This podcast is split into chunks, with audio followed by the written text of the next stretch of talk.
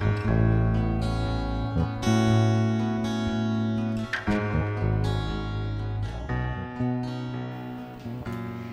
dobry, dzień dobry. Witam na kolejnym odcinku podcast Świadomej Mamy. Dziś z doktorem nauk medycznych, z Tomaszem Bastą. Dzień dobry.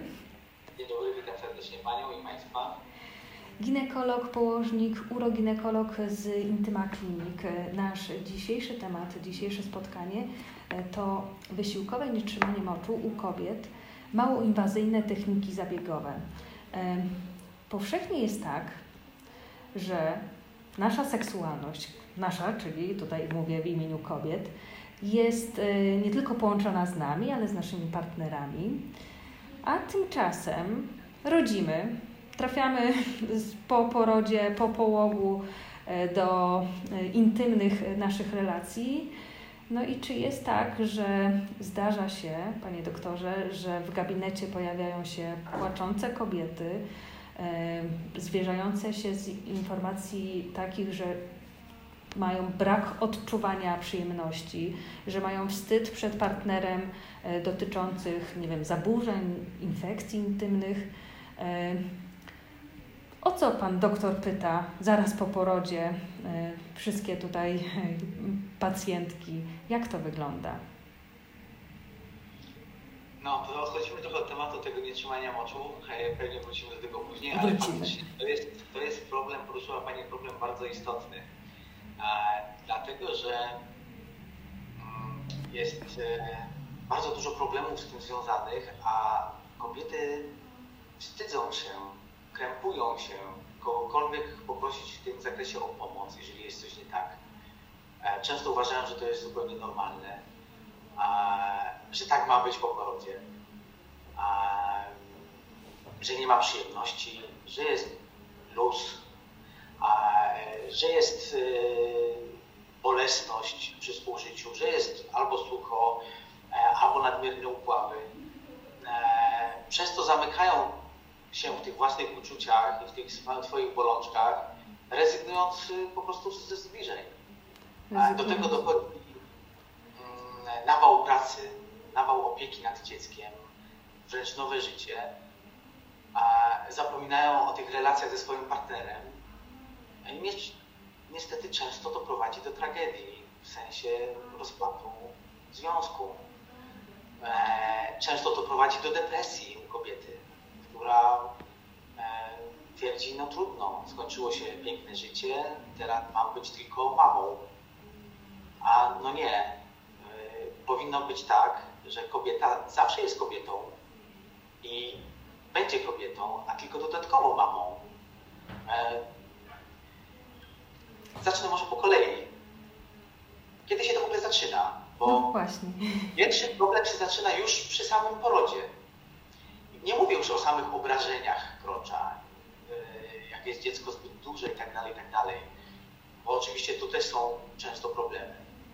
Ale nikt sobie nie, nie zadaje pytania i nie zastanawia się, czy jeżeli kobieta przeprowadzi partnera na poród, mamy poród rodzinny, to czy ten ukochany mężczyzna, patrząc na spektakl poród, który nie jest wcale piękny, e, piękna jest końcówka, kiedy się bierze to niemowlę do rąk.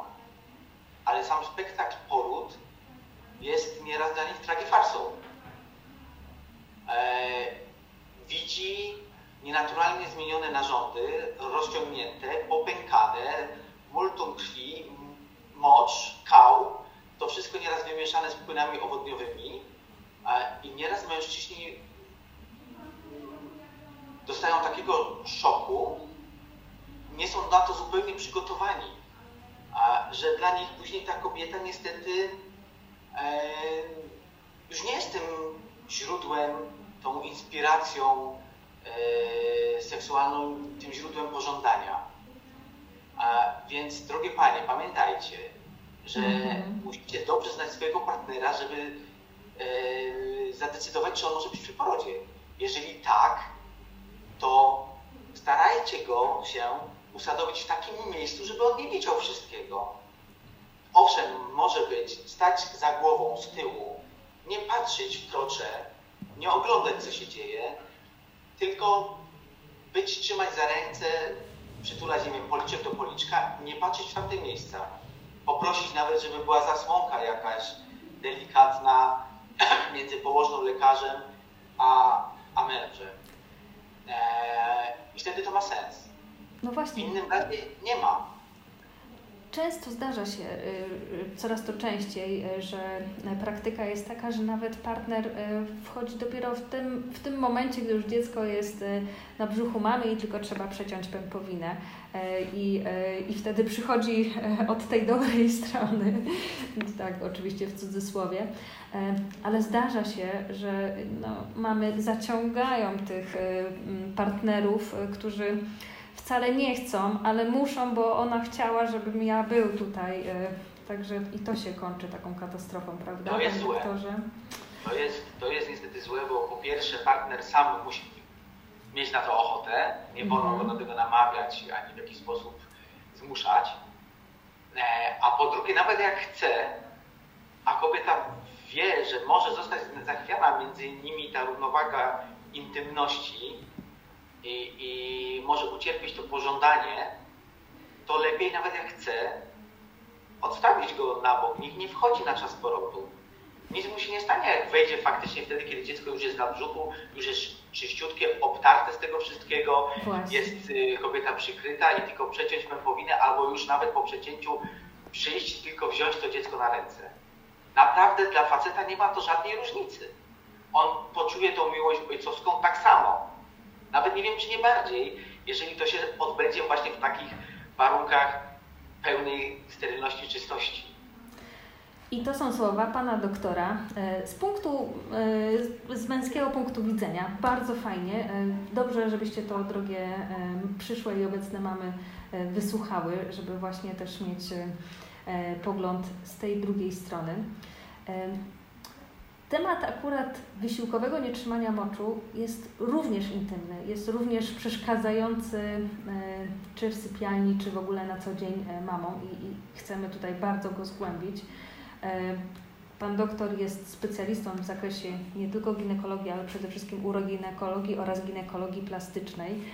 I po to to spotkanie, żeby pokazać Wam, jakie rozwiązania już przynosi nam medycyna, co możesz zrobić, no ale na początku, panie doktorze, jakie w ogóle są przyczyny nietrzymania moczu u kobiet? Przyczyn jest wiele. Wiele kobiet uważa, że nietrzymanie moczu wiąże się z porodem drogami siłami natury. Mhm. Nie, tylko część. E, owszem, jeżeli jest poród dużego dziecka, jest poród jakiś powikłany, dziecko ułożyło się jak trzeba, doszło do jakichś uszkodzeń w okolicy kanału rodnego cewki moczowej może wystąpić w przyszłości faktycznie nietrzymanie moczu lub zaraz po porodzie. Ale przecież mamy nietrzymania moczu wynikające z infekcji stanów zapalnych. Czy to zaraz po porodzie, e, czy w późniejszym czasie. Mamy y, przyczyny endokrynologiczne nietrzymania moczu, zaburzenia tarczycy, cukrzyca itd. Tak zaburzenia neurologiczne, czyli przewodnictwa nerwów, y, które E, decydują o tym, kiedy ma być e, e, opróżniany pęcherz, kiedy ma, ma dojść do skurczu mięśni okołopęcherzowych do oddania tego moczu. Mamy przyczyny zaporowe, czyli kamica pęcherza moczowego. Mamy problemy wrodzone tkanki, chorób tkanki łącznej, na przykład kolegenozy, kiedy z wiekiem tkanka po prostu zbyt bardzo wiotczeje też wtedy dochodzi do nietrzymania moczu. E, następnie mamy wady wrodzone. E, nie tylko tkanki łącznej, ale wady w ogóle anatomiczne, na przykład jakieś uchyłki, zwężenia cewki moczowej. E, często mamy też nietrzymanie moczu po różnych operacjach, mniejszych, większych w zakresie ginekologii czy radioterapii w przypadku chorób nowotworowych. No i duża część tak naprawdę nietrzymań moczu jest również spowodowana niedoborami hormonalnymi. Tutaj mam na myśli atrofię śluzówki pokwy e, i wszystkie zmiany związane z okresem przekwitania, czyli kobieta, która wchodzi w okres e, okołomenopauzalny, powiedzmy 45 plus do 55, tutaj też już mogą e, przebiegać różnego rodzaju zmiany. Czyli faktycznie Także, tych przyczyn jest, jest multum. Tak, więc y, kobiety, które nie rodziły, też mogą mieć y, te problemy z wytrzymaniem moczu. A co zwiększa lub co zmniejsza prawdopodobieństwo wystąpienia problemu nietrzymania moczu po porodzie? Stricte po porodzie. Mhm. Po samym porodzie, y, co może zwiększyć? No przede wszystkim nie mówimy już o samym porodzie, jak on przebiegł, mhm. ale sam fakt to, że kobieta e, zbyt dużo dźwiga. E, kobiety, które dźwigają ciężary, robią to zawodowo, albo w pracy, albo gdziekolwiek indziej, e, mają problem z nietrzymaniem moczu. Kobiety, które uprawiają sport zawodowo, biegaczki, też mają problem z nietrzymaniem moczu główną, głównym problemem chyba jest jednak to, że jak, jeżeli kobiety się pojawi nietrzymanie moczu, to ona myśli, to przejdzie, to jest chwilowe. Owszem, może tak być, mhm. ale jak gwarantuję, że choć jeżeli raz w życiu pojawiło się nietrzymanie moczu, niezwiązane powiedzmy z infekcjami, tylko to jest faktycznie albo wysiłkowe nietrzymanie moczu, albo naglące, e, albo z przepełnienia pęcherza, to, to później wystąpi znowu. Najczęstszym rodzajem nietrzymania moczu jest właśnie to wysiłkowe nietrzymanie moczu. E, to, co mówię właśnie, kiedy dźwigamy, kiedy e, powodujemy zbyt dużą tłocznię w jamie brzusznej, zwiększamy zbyt dużo ciśnienie w jamie brzusznej. A ten ciężar do... dziecka to jest już dźwiganie? E, jeżeli unoszę dziecko, przenoszę z wózka na łóżeczko i tak dalej, to już jest dźwiganie? Dosyć duże obciążenie? Nie, ja uważam, że nie, dlatego że y, mhm. wiadomo, że niemowlę waży te kilka kilo i to nie jest jakimś dużym obciążeniem. Y, gorzej jest później, kiedy to dziecko już waży 11 kilo. Albo kiedy jeszcze wózek noszę, zakupy. O, to już prędzej, dokładnie mhm. tak. Więc y, tutaj trzeba wiedzieć, żeby jeżeli już musimy coś dźwignąć, mhm. żeby używać do tego mniej samych mięśni tłoczni brzusznej, a jednak, żeby te obciążenia częściowo rozkładać na nogi. Czyli jak dźwigamy na przykład dziecko, to lepiej jest kutnąć część e, jednak e, Z ugiętych nóg podnosić ciężar po prostu. Przepraszam, nie mamy Pani dźwięku. Z ugiętych nóg podnosić ciężar. Tak, na przykład tak. Mhm. Po porodzie co jeszcze może zwiększać? No to właśnie, że kobieta uważa, że przejdzie, a niestety z czasem te problemy się nasilają E, i dochodzi do momentu, kiedy gubienie moczu jest codziennie. E, I wtedy zabiegi e, mało inwazyjne już będą nieskuteczne. Wtedy trzeba już operować. Operacja polega na wszczepieniu taśmy TOT, TBT lub TBT, która jest substancją polipropylenową, czyli jest to tworzywo sztuczne, które się wszczepia pod cewkę moczową. E, jest to świetny rodzaj zabiegu, e, moim zdaniem zarezerwowany do trzeciego stopnia wysiłkowego nietrzymania moczu, kiedy naprawdę już te małe inwazyjne zabiegi nie pomogą. Bo musimy sobie zdawać z tego, że to jest ciało obce jednak. Mhm. Może dojść do pewnych powikłań albo wczesnych, albo później po takich operacji, e, które są naprawdę bardzo nieprzyjemne. Więc naprawdę chcę uczulić Panie, żeby pamiętać o tym, że jeżeli to jest początek jakiegoś nietrzymania moczu, można w tym robić naprawdę dużo.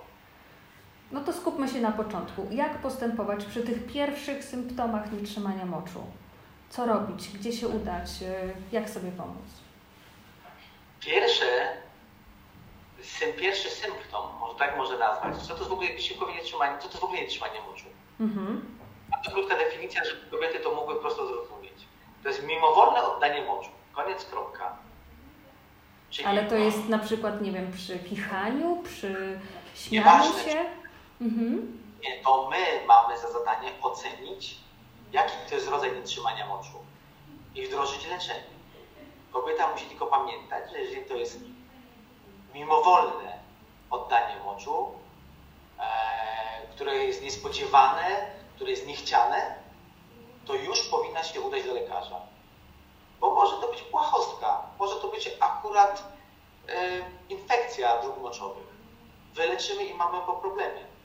Jeżeli to nie zostanie od razu na przykład wyleczone, y, przejdzie e, stan infekcyjny w przewlekły, może dojść do uszkodzenia zwieraczy czy moczowej e, i do stałego nietrzymania moczu. Więc im wcześniej, tym lepiej. Jeżeli to jest inny rodzaj nietrzymania moczu, dokładnie tak samo. Możemy zastosować techniki zabiegowe lub leczenie farmakologiczne, to to wszystko zależy też z jakim nietrzymaniem moczu. E, może powiem tak, w skrócie, najwięcej jest wysiłkowego nietrzymania moczu. Mhm. E, to jest takie główne, czyli przy wysiłku, kasznięciu, dźwignięciu, podskokach, wstaniu, śmianiu się, to jest wszystko wysiłkowe. Natomiast wysiłkowe znowu już y, też dzielimy na niewydolność samego zwieracza lub, e, lub nadmierną ruchomość stawki moczowej, ale to już my diagnozujemy, który to jest rodzaj. Drugim takim rodzajem jest naglące nietrzymanie moczu. Naglące, czyli e, oddanie moczu bez jakiejkolwiek aktywności fizycznej, czyli samoistny wypływ moczu, mhm. e, który jest zupełnie niespodziewany. E, może jego znowu dzielimy na nadaktywność mięśnia wypieracza pęcherza moczowego albo niską podatność ścian pęcherza moczowego na obkurczanie czy na rozprężanie. E, I przy naglącym nietrzymaniu moczu musimy pamiętać, że tutaj jest dokładnie to samo. Im wcześniej, tym lepiej, bo możemy włączyć leki farmakologiczne, które nam działają na OAB, czyli to właśnie czynnościowe nietrzymanie moczu, inaczej naglące. I też mamy po, po problemie. Mamy nietrzymania moczu mieszane, czyli jest i wysiłkowe, i naglące. Czasami tak naprawdę nawet nam, specjalistom, jest ciężko odróżnić te, bo te, te, te, te rodzaje, e, z tego względu, że e, tu jest bardzo ważny wywiad. Kobieta czasami uważa, że ma naglące, czyli to samowolne oddanie moczu, e, bo ona siedząc wstaje. Dla niej to nie jest aktywność fizyczna. Mhm. Dla nas wstawanie z krzesła, z łóżka to już jest aktywność fizyczna. To już jest wysiłek. Tak. E, mamy tak samo nietrzymanie moczu, tak zwane przepełnienia. To dotyczy kobiet, które zbyt długo trzymają mocz, e, zbyt długo w pracy nie idą do toalety. E, to powoduje stałe narastanie ciśnienia w pęcherzu moczowym. To powoduje później rozciągnięcie tego pęcherza. Receptory, które znajdują się na pęcherzu, stają się mniej reaktywne bo to wszystko jest rozciągnięte, czyli później jest mniejsza siła wypierania tego moczu. E, wygląda to w ten sposób, że jak przychodzi do mnie pacjentka, mówi Panie doktorze, ja gubię mocz. Zawsze badanie zaczynam od USG, mhm. bo w USG jesteśmy w stanie ocenić nie tylko sam pęcherz moczowy, ale zawsze też cewkę moczową, jej ruchomość, jej długość, e, jej działanie przy E, tworzeniu ciśnienia w jamie przy kasznięciu, kichnięciu. Tu trzeba pamiętać, do ginekologa chodzi się zawsze z pustym pęcherzem, mm-hmm. natomiast jak jest problem z nietrzymaniem moczu, to do uroginekologa trzeba przyjść z pełnym pęcherzem. Tak jest. No i teraz tak, e, często się zdarza, tak jak się pytam, oglądam e, w USG pęcherz, pytam się, czy Pani przypadkiem się nie chce sićku? No nie. A jak widzę zupełnie pełny pęcherz, gdzie jest powiedzmy pół litra płynu, mm-hmm. ona jeszcze nie odczuwa. E, ona zaczyna odczuwać potrzebę oddania moczu za późno, kiedy jest wszystko już tak rozciągnięte, że nie ma opcji, żeby ten mocz sam się nie gubił. E, więc, e, drogie panie, pamiętać zawsze, tak samo po porodzie, nawet jak nie macie ochoty siku, to raz na trzy idźcie do tej palety. Po prostu, żeby spróbować. Nie przejść na siłę, ale spróbować. Bo w, w tej całej zawierusie, z zabieganiem z dzieckiem. Tak, z tym dzieckiem, e, myślami kobieta jest pochłonięta tylko dziecko, dziecko, dziecko, zapomina o sobie. Więc za dużo, często chodzić, oddawać mocz, nie lekceważyć infekcji żadnych, nie lekceważyć pierwszych symptomów e, i problemów z oddawaniem moczu. E, mamy jeszcze inne rodzaje nietrzymania moczu, które są rzadsze, ale to już nie będę tutaj wszystkiego omawiał.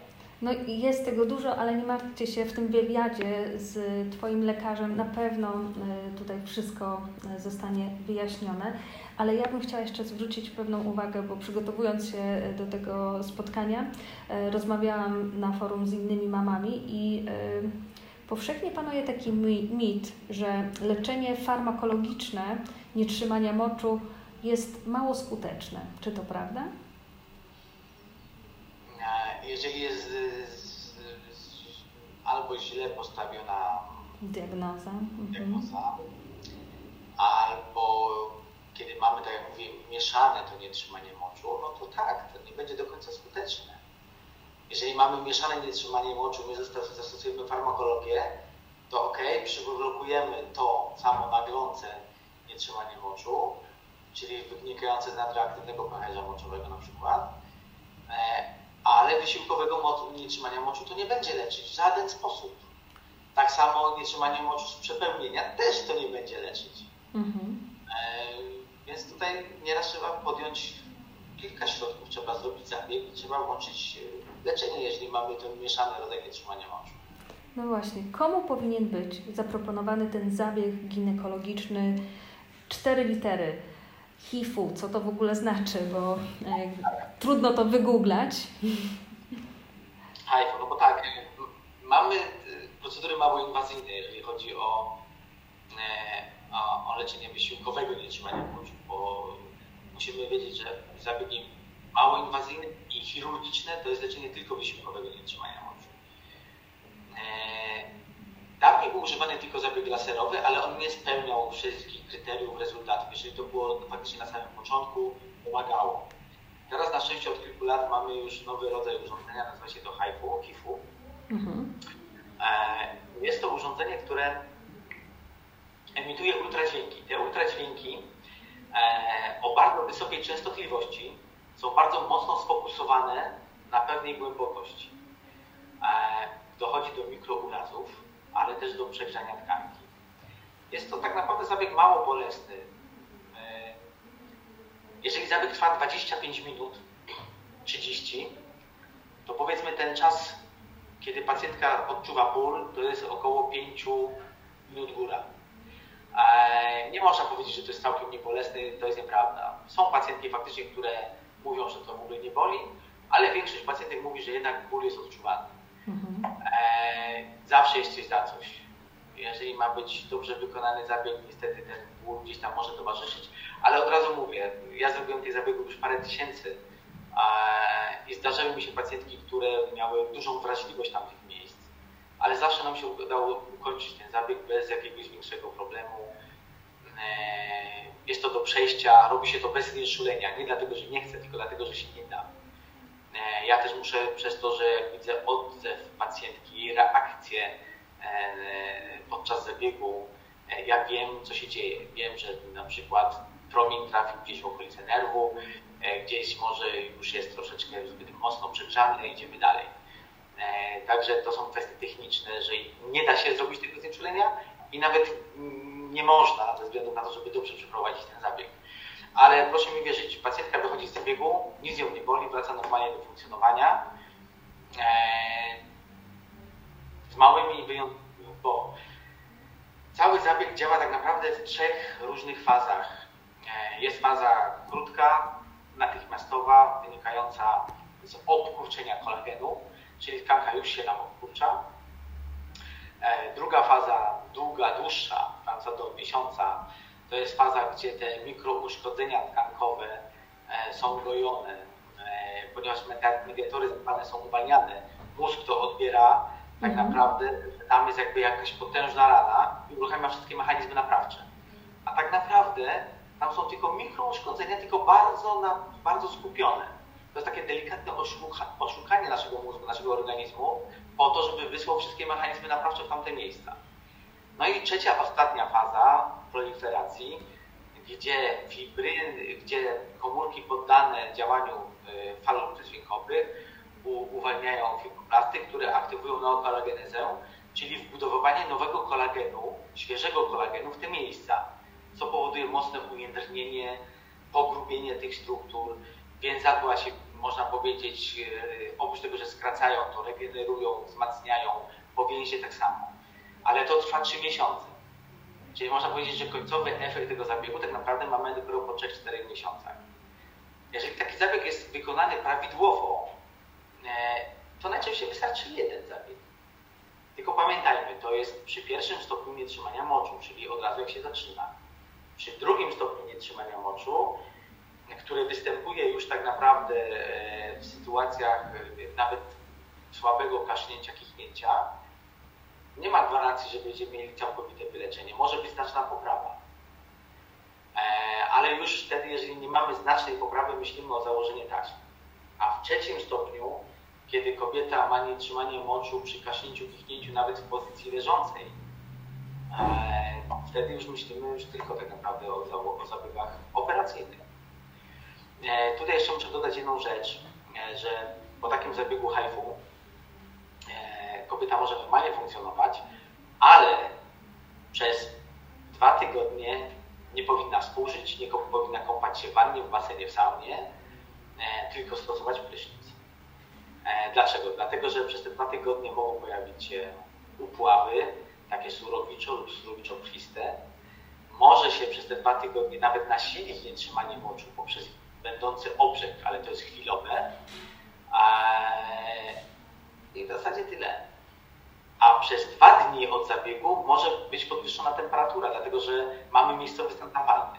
Więc proszę się nie bać, że po zabiegu, że to jest COVID, bo nieraz miałem takie telefony, panie doktorze, rany boskie, nie wiadomo czy to nie COVID, bo mam temperaturę podwyższoną. Nie, po zabiegu zawsze przez dwa dni jest delikatny 37 z hakiem. Może wystąpić podwyższona temperatura. Ile trwa taki zabieg? Tak jak mówiłem, 25-30 minut. I poza tym, że e, zastosowanie tego hajfu mm, e, jest na wysiłkowe nietrzymanie moczu w stopniu pierwszym i drugim, to jeszcze e, też jest stosowane w innych przypadkach? Oczywiście. Wracamy chyba do tego naszego pierwszego pytania Pani, jeżeli chodzi o te problemy, problemy z intymnością kobiet. Tak, luźnej pochwy. Mhm. Tak. No, często niestety po porodach ale nie tylko, bo w, w chorobach autoimmunologicznych, w kolegenozach, gdzie jest osłabiona tkanka łączna, e, również nam dochodzi do, e, do zwiotczenia z wiekiem tkanek. E, HIV robimy tak samo u kobiet, które mają na przykład zespół rozluźnienia pochwy. Mają problem z odczuwaniem partnera, albo charakterystyczne dla zespołu rozluźnienia pochwy jest to, że w sytuacjach współżycia albo wstawania z krzesła jest odczuwalny dźwięk wydobywania się powietrza z pochwy. Jest to nieraz dla kobiet bardzo krępujące mhm. i to jest sygnał, że jednak już coś tam się zaczyna dziać. Tak samo HIFU może być yy, yy, świetnym zabiegiem yy, przy atrofii śluzówki pochwy, bo on powoduje mocną regenerację. Tutaj można robić zamiennie albo zabieg laserem, albo zabieg HIFU. Natomiast nie ma nic lepszego niż hajfu, jeżeli chodzi o obkurczenie pochwy i leczenie wysiłkowego nietrzymania moczu pierwszego stopnia. E, atrofia, przypomnijmy, to jest e, suchość e, pochwy, tak? Suchość pochwy w okresie menopauzy to najczęściej występuje. Mhm. To też nie możemy mieć, właśnie, muszę tu jeszcze jedną rzecz powiedzieć, bo takie objawy menopauzy, takie objawy, przepraszam, tej suchości pochwy występują też zaraz po porodzie. Mhm. I to jest zupełnie normalne. Właśnie chciałbym też uspokoić wszystkie panie, które mają bolesne współżycie po porodzie, w okresie popałogowym już nawet, e, to jest zupełnie normalne z tego względu, że nie ma estrogenu. Kobieta, która karmi, e, ma zablokowane wydzielanie estrogenu, tam działa przede wszystkim progesteron e, i nie ma tego, tej naturalnej trofizmu śluzówki pochwy, tej, tej wilgotności, tej elastyczności. Więc trzeba wiedzieć, że okres połogu, połogu to jest taki okres, gdzie wiadomo, wszystko dochodzi do normy, wszystko się goi. Więc wtedy powiedzmy nie mówimy w ogóle o tym współżyciu, bo nie powinno się. To jest te 6 tygodni po porodzie, tak, okres połogu. A później e, bardzo często, które pacjentki przychodzą, ja mówię, proszę Pani, poczekajmy, aż Pani skończy karmić. Kiedy przyjdzie, przyjdą pierwsze dwie miesiączki, wtedy oceniajmy e, dopiero stan śluzówki pochwy, E, i jakość współżycia. Tu jest mały wyjątek, bo jak mamy nietrzymanie moczu, oczywiście estrogeny też mają wpływ na, na to nietrzymanie moczu, ale jeżeli mamy znaczny stopień, to możemy zabiegi już wykonywać w okresie popołogowym. Chociaż ja najchętniej to też robię dopiero w momencie, kiedy kobieta wróci do swojej prawidłowej e, rytmu hormonalnego, swojego prawidłowego rytmu hormonalnego. Bo wtedy wiem, że e, wiem konkretnie, że po pierwsze mogę zastosować leki połonążnikarni, mogę zastosować estrogeny na śluzówkę, które nam dodatkowo wzmacniają i poprawiają jakość samego zabiegu. E, mamy dużo większe możliwości i na pewno nie będzie wykonany zabieg niepotrzebny. Także przez ten okres karmienia piersią warto zaopatrzyć się w dodatkowe, tylko medyczne preparaty nawilżające śluzówkę pochwy, po to, żeby był ten komfort zbliżenia. O, Panie doktorze, to, tak, znaczy najważniejsze e, dla Was, e, drogie e, przyszłe i obecne mamy, no to Pierwsze to ten wywiad z doktorem i stwierdzenie, który to jest stopień nietrzymania moczu i zrobisz to wraz ze swoim doktorem. A jeszcze mam takie pytanie na koniec zupełnie, czy ten mało inwazyjny w sumie sprzęt do zabiegu HIFU jest dostępny tylko w takich wyspecjalizowanych placówkach, gdzie obsługuje to ginekolog i specjalista od uroginekologii? Czy zdarza się, że, że można się styknąć, spotkać z tym sprzętem w jakichś no, nieprofesjonalnych placówkach? Hmm. Opowiem wynikająco się z tego pytania. Mam nadzieję, że te urządzenia są tylko w rękach sprawdzonych, wyspecjalizowanych fachowców. Mam taką nadzieję, tego bym sobie zawsze życzył E, ponieważ wykonanie tego zabiegu jest tak naprawdę badalnie proste i każdy uważa, że każdy może to zrobić. E, natomiast wiedza, jeżeli chodzi o kwalifikację pacjentki, dobór parametrów przede wszystkim tego zabiegu, e, żeby to było skuteczne, no, wymaga jakiejś głębszej wiedzy, więc uważam, że Panie powinny się kierować jednak jednak tym, czy ktoś zajmuje się tym tematem profesjonalnie, stricte uroginekologią e, e, i czy w swoim portfolio ma pełny zakres zabiegów. Bo są sytuacje takie, że ktoś wykonuje tylko zabiegi mało inwazyjne i niestety e, próbuje nimi leczyć wszystko. Oczywiście w dobrej mierze. No w dobrym zamiarze. Dlatego Albo... chciałabym przestrzec tutaj inne mamy, bo y, Pan doktor tutaj powiedział o wiele, wiele tysięcy takich zabiegów już zostało wykonanych. Pana doktora kompetencje są potwierdzone przez liczne certyfikaty i powinnaś się, droga mamo, ubiegać, domagać tego, żeby zobaczyć, kto y, wykonuje taki bardzo ważny, bardzo intymny zabieg u Ciebie. Prawda, Panie doktorze? E, zgadza się. No, tu chcę jeszcze dokończyć, bo naprawdę jest nie tak mało specjalistów w Polsce, którzy w swoim portfolio e, mają jako w głównej działalności właśnie tą uroginekologię i e, oferują jednocześnie zabiegi mało inwazyjne i zabiegi operacyjne. Bo no jeszcze jest znowu druga strona medalu. Jeżeli ktoś zajmuje się tylko zakładaniem taśm, mm-hmm. czyli uroginekolog, który robi tylko powiedzmy taśmy, e, to on też w dobrej mierze wiadomo, że chce pomóc tej pacjentce, ale on założy taśmę w pierwszym stopniu nietrzymania moczu, gdzie moim zdaniem nie ma takiej potrzeby, bo można zrobić to mało inwazyjnie, bez kłopotów, bez obciążenia znieczuleniem, e, bez e, groźby jakichś większych powikłań.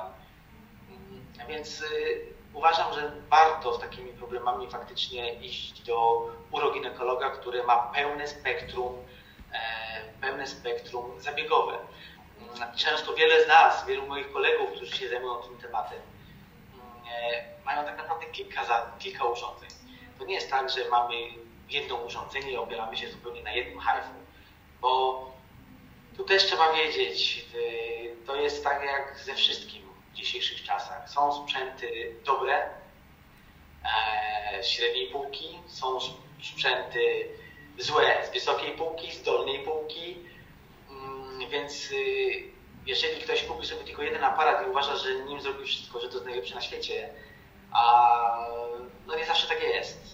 Nie zawsze tak jest. E, więc jakość samego urządzenia, znajomość techniki działania tego urządzenia, e, tych urządzeń, e, ustawienie odpowiednich parametrów, bo tutaj też muszę powiedzieć jeszcze jedną rzecz. Producenci dając instrukcje nam, instrukcje opisują parametry zabiegowe, które nie zrobią nigdy krzywdy po to, żeby nie było zaskarżenia producenta. Jeżeli ktoś, kto nie zajmuje się tym na co dzień, to nie jest jego główna działka, e, a niestety słyszałem, że takie zabiegi robią też e, lekarze innych specjalności nawet, albo nawet nie lekarze, tylko kosmetolodzy, no to muszę powiedzieć, że jeżeli się zrobi taki zabieg na takich ustawieniach, to nie będzie zupełnie tej skuteczności tego zabiegu. E, my musimy dobrać maksymalnie bezpieczne parametry do każdej pacjentki. O ile 30-latka, 40-latka będzie miała grubość śluzówki 4-5 mm, to 60-latka może mieć grubość śluzówki 2 mm. I naprawdę u tej młodszej my musimy zrobić 4-5 razy mocniej niż u tej pani, y, która ma 60 lat, bo jeżeli tam damy zbyt dużą siłę, to możemy zaszkodzić. A jeżeli zrobimy tym młodszym kobietom y, zabieg w tych ustawieniach delikatnych producenta, czyli tych dostosowanych nawet do kobiet w wieku 60, 70, 80 lat, no to nie będzie żadnego efektu. Czyli jednak wysiłkowe nietrzymanie moczu u kobiet to bardzo istotna sprawa i e, wielo, wielość tych e, mało inwazyjnych technik zabiegowych e, trzeba oddać w ręce specjalisty. Doktor nauk medycznych Tomasz Basta, bardzo dziękuję za rozmowę. Ginekolog, położnik, uroginekolog z Intyma Klinik. Dziękuję za to spotkanie. Dziękuję serdecznie, pozdrawiam, do widzenia. Do widzenia.